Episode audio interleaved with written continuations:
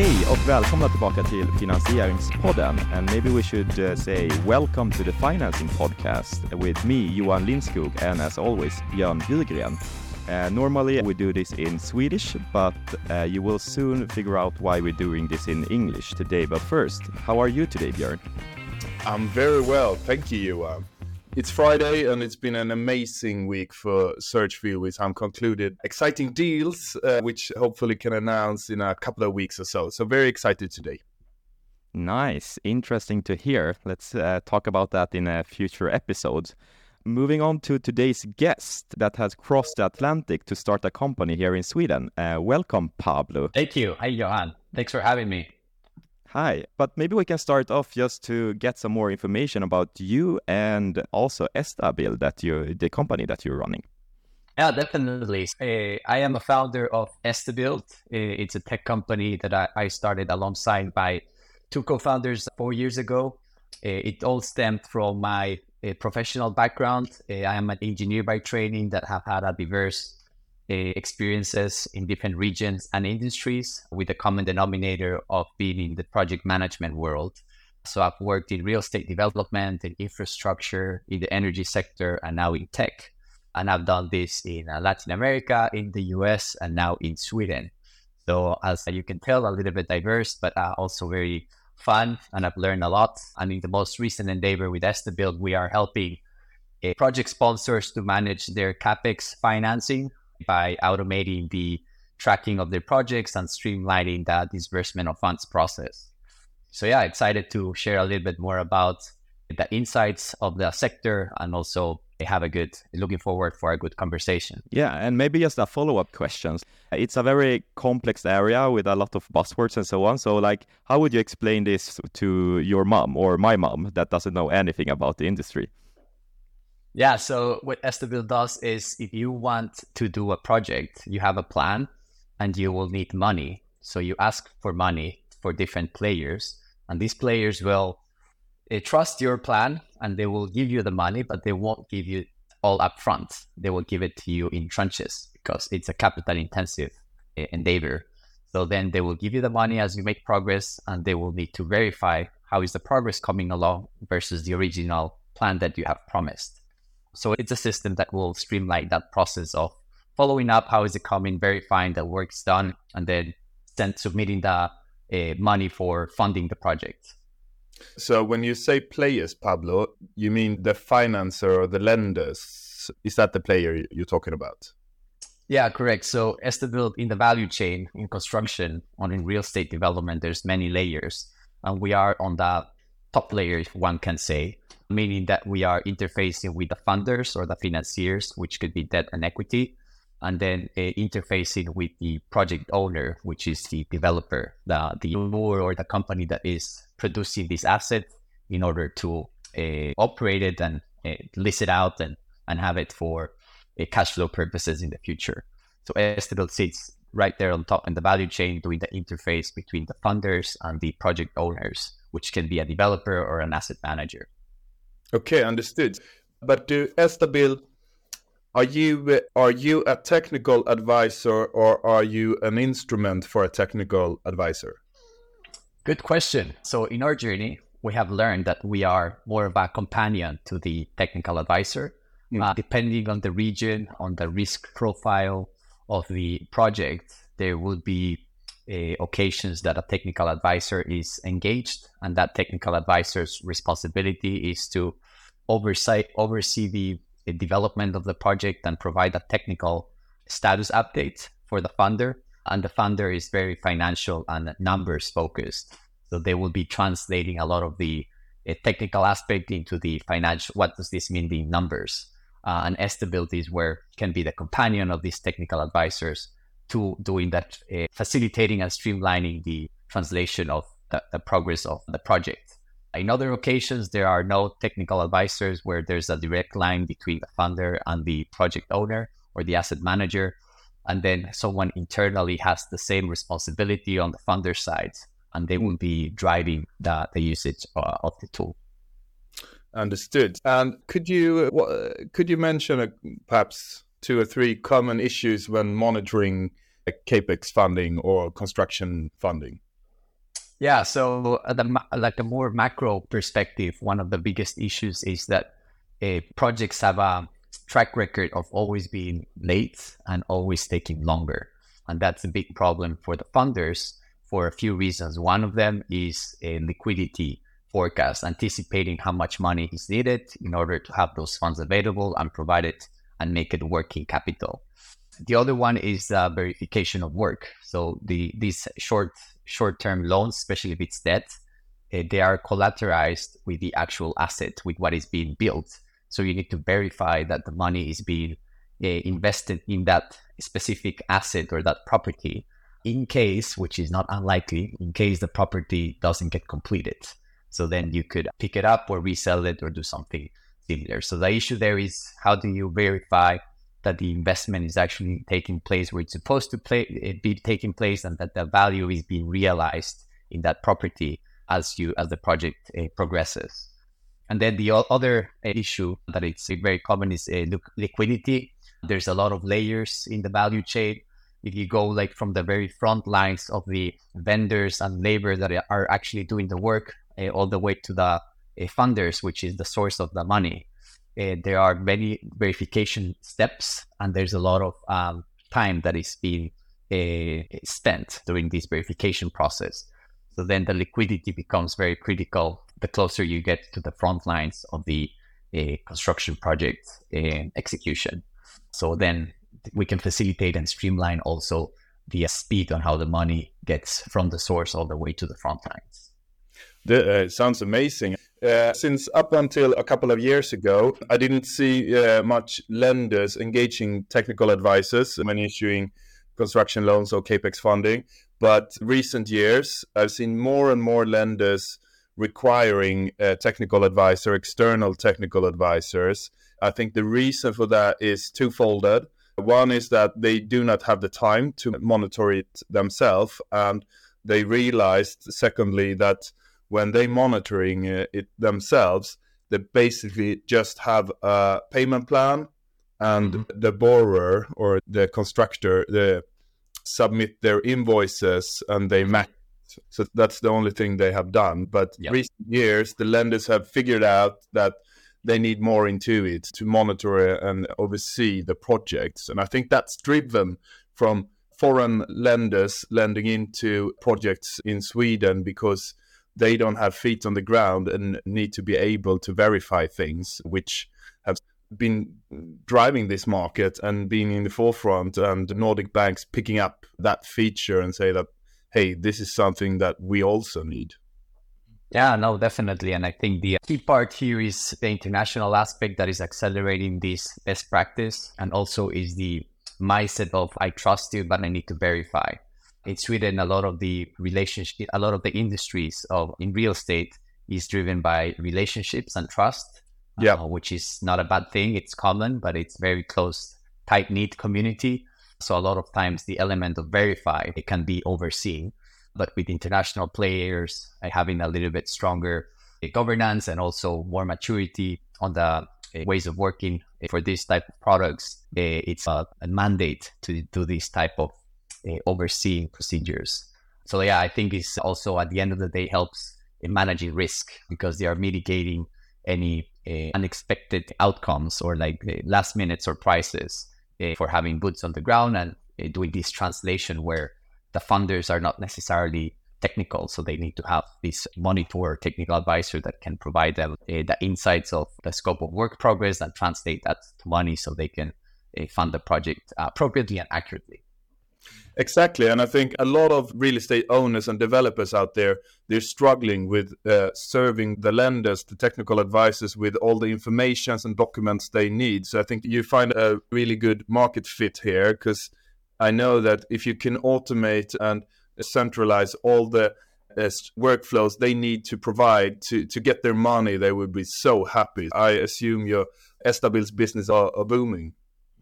Yeah, it's a win situation. So the funder gets a bigger trust and accuracy on how the project's developing so they can disperse the funds accordingly but also the developer as you were saying they are coordinating a lot of other uh, contractors that they need to pay out so liquidity and having the money uh, fast on their bank accounts is of importance especially nowadays where uh, the, fa- the cost of financing is getting uh, more expensive.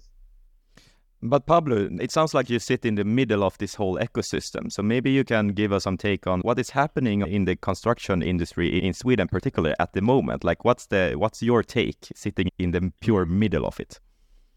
Yeah, so the construction, I typically categorize construction as capex, a capital expenditure. Uh, and the reason is because it's not only uh, new builds, but it's also uh, retrofits or brownfield projects, renovations, upgrades, expansions, repurpose, etc. And there's definitely a decrease on activity. Most of the uh, real estate owners or developers are focusing on income at the moment, uh, meaning that they want to uh, renegotiate any leases and any sources of retain, retention of their of their clients in order to survive the upcoming months.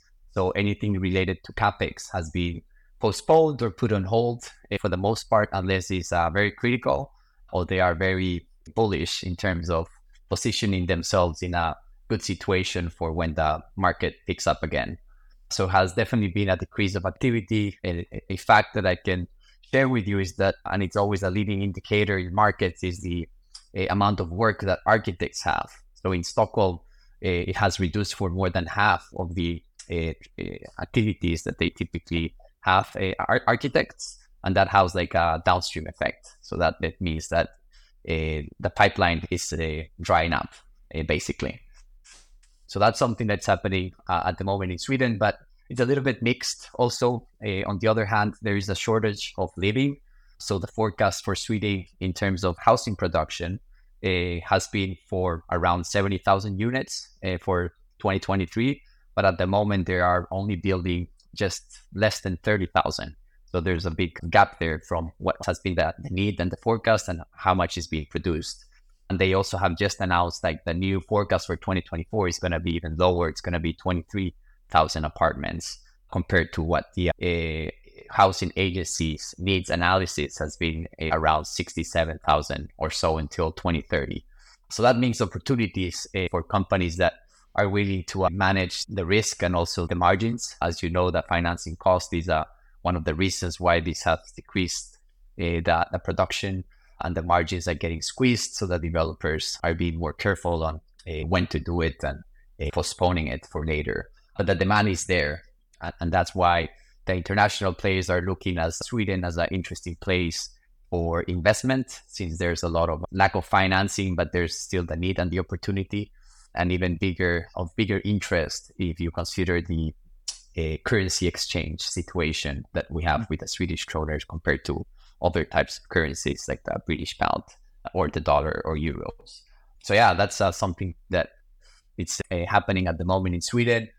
Uh, I think that there's also other sectors that are more active and there's a strong pipeline for the future, like logistics. They have a very solid business case and they have a very strong uh, projects pipeline.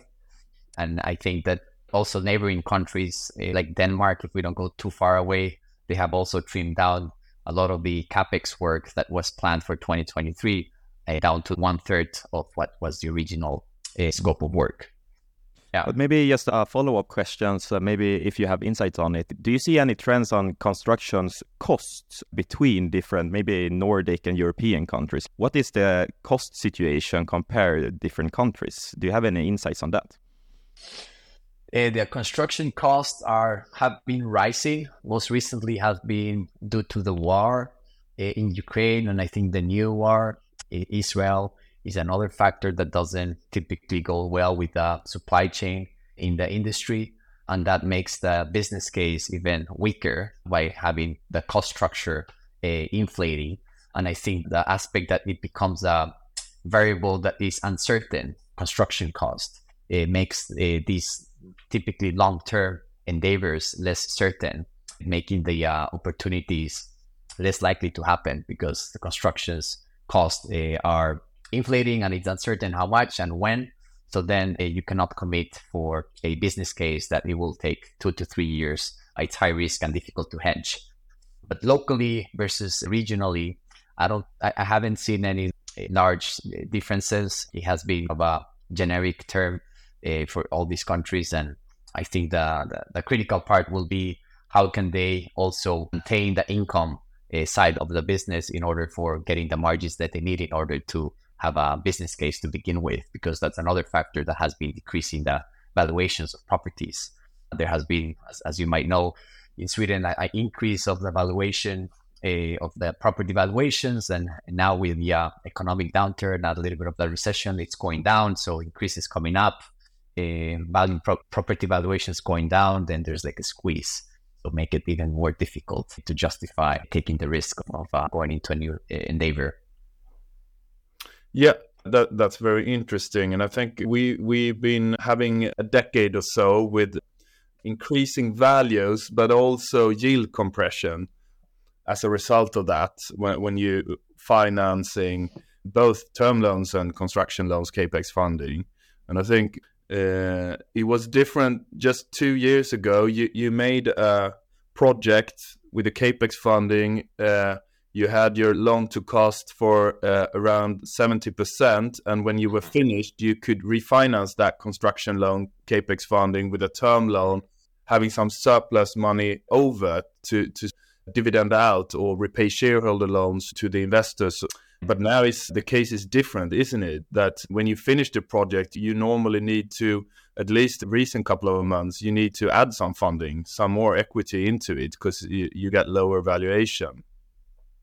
Yeah, and I think that's where these smaller players are starting to popping up in the sector or in the market. So you have like debt funds, you have companies like Searchfield that will be filling in the void to uh, co- complement this gap in order to make the business case uh, feasible. For sure, yeah. Looking at this ecosystem, like for you, Pablo, like what other type of actors are like your collaboration partners except like the stakeholders that we have been talking about like what other players are in the ecosystem and are touching your services and so on yeah so the most critical one is the technical advisors that are being driving this interface between the funders and the project owners or the asset managers and the reason is because they are uh, also doing a lot of manual work they are doing uh, tedious processes and their uh, productivity is halved because of the ways of traditional of doing business. And then Estabiltis can power them in order to uh, work more efficiently, have a better way to present their information to their clients, and most importantly, they will be driving the, the service. They will be driving the usage of the platform, and they're like a power user for us. So they're definitely cl- critical aspect to us, and I'm looking forward how this trend starts to establish is more and more in Sweden. It's something that is uh, up and coming, as Björn says, and even more with the smaller players coming in, taking uh, opportunities that have bigger risk. So then they have uh, to hedge that risk with a technical advisor, hopefully. And then on the other side is more the uh, matchmakers uh, between uh, fund funding and the opportunities. Traditionally, I think in Sweden has been mostly direct lines to the traditional institutional players that will be providing that capital. And there hasn't been a lot of services that we're facilitating where to get the best uh, financing for a, an opportunity.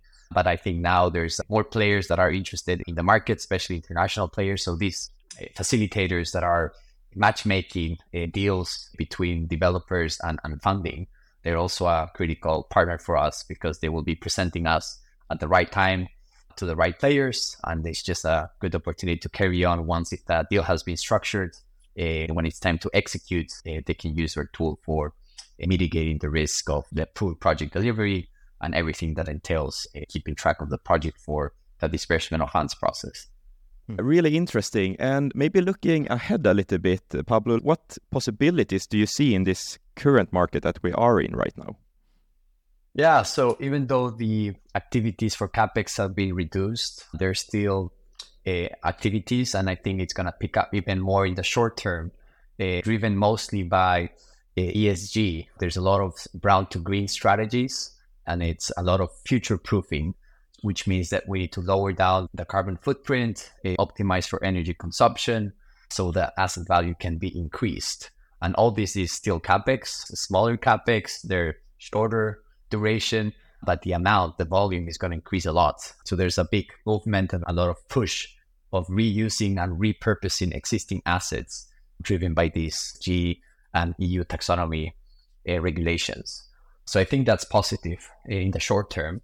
A little bit more in the long term, a lot of the capex that is being postponed right now and it's being put on hold uh, will need to happen. So they're just accumulating. So there's going to be a backlog that will need to be executed. So once the market picks up, all that will be first in line to get uh, be taken care of, and then off we go with the uh, upcycle.